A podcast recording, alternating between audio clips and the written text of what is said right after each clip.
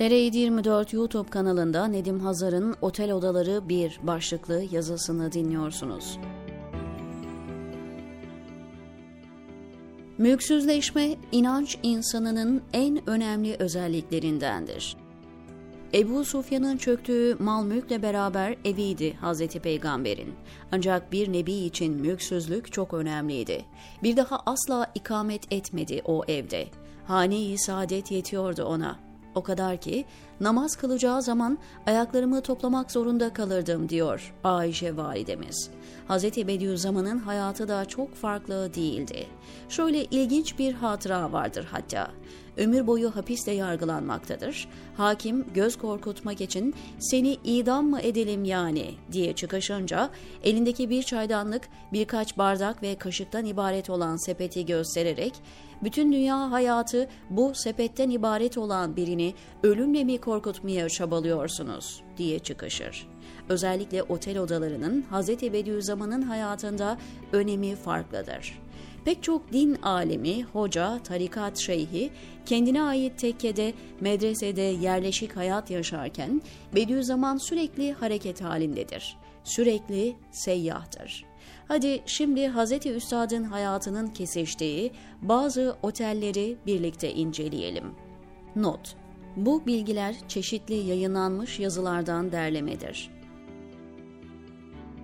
Hz. Bediüzzaman'ın henüz Molla olduğu dönemler, Birinci Cihan Harbi'nin hemen öncesi, yıl 1907 İstanbul. Bir imparatorluğun bakiyesi olan şehirde muazzam bir geçiş dönemi yaşanıyor.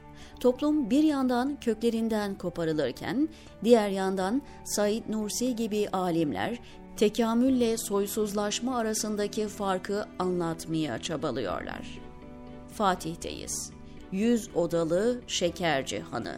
Kim tarafından yapıldığı bile belli olmayan bu han, önünden yürüyüp geçenlerin bile tarihi şahitliğinden hala haberdar olmadığı tarihi bir binadır. En önemlisi ise barında Hz. Bediüzzaman gibi bir şahsiyeti ağırlamıştır. Garip, sessiz, vakur bir taş bina. Meşhur Molla Said bir süre burada ikamet etmiş ve nice büyük bir alim olduğunu geçmiş ve gelecek asırlara duyurmuştur. Ve kapısındaki o acayip yazı. Burada her suale cevap verilir fakat sual sorulmaz.''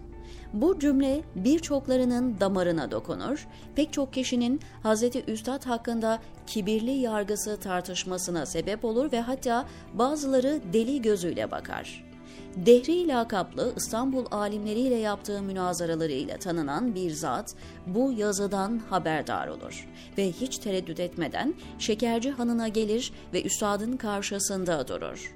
Zihninde pek çok soru hazırlamıştır ve birbiri peşi sıra soru yağmuru başlar. Fakat iş planladığı gibi gitmez. Çünkü sorduğu bütün suallere doyurucu cevaplar almış, ikna olmuştur. Nihayet münazara sonunda Dehre'yi bir telaş sarmıştır. Ya şimdi Bediüzzaman da bana bir soru sorarsa ne yaparım diye düşünür. Oradan uzaklaşmak için hemen müsaade alır. Tam kapıdan çıkacağı sıradır. Bediüzzaman siz hoca mısınız yoksa talebe mi diye sorar. Dehri oldukça telaşlanır. Efendim ben talebeyim diye cevap verir.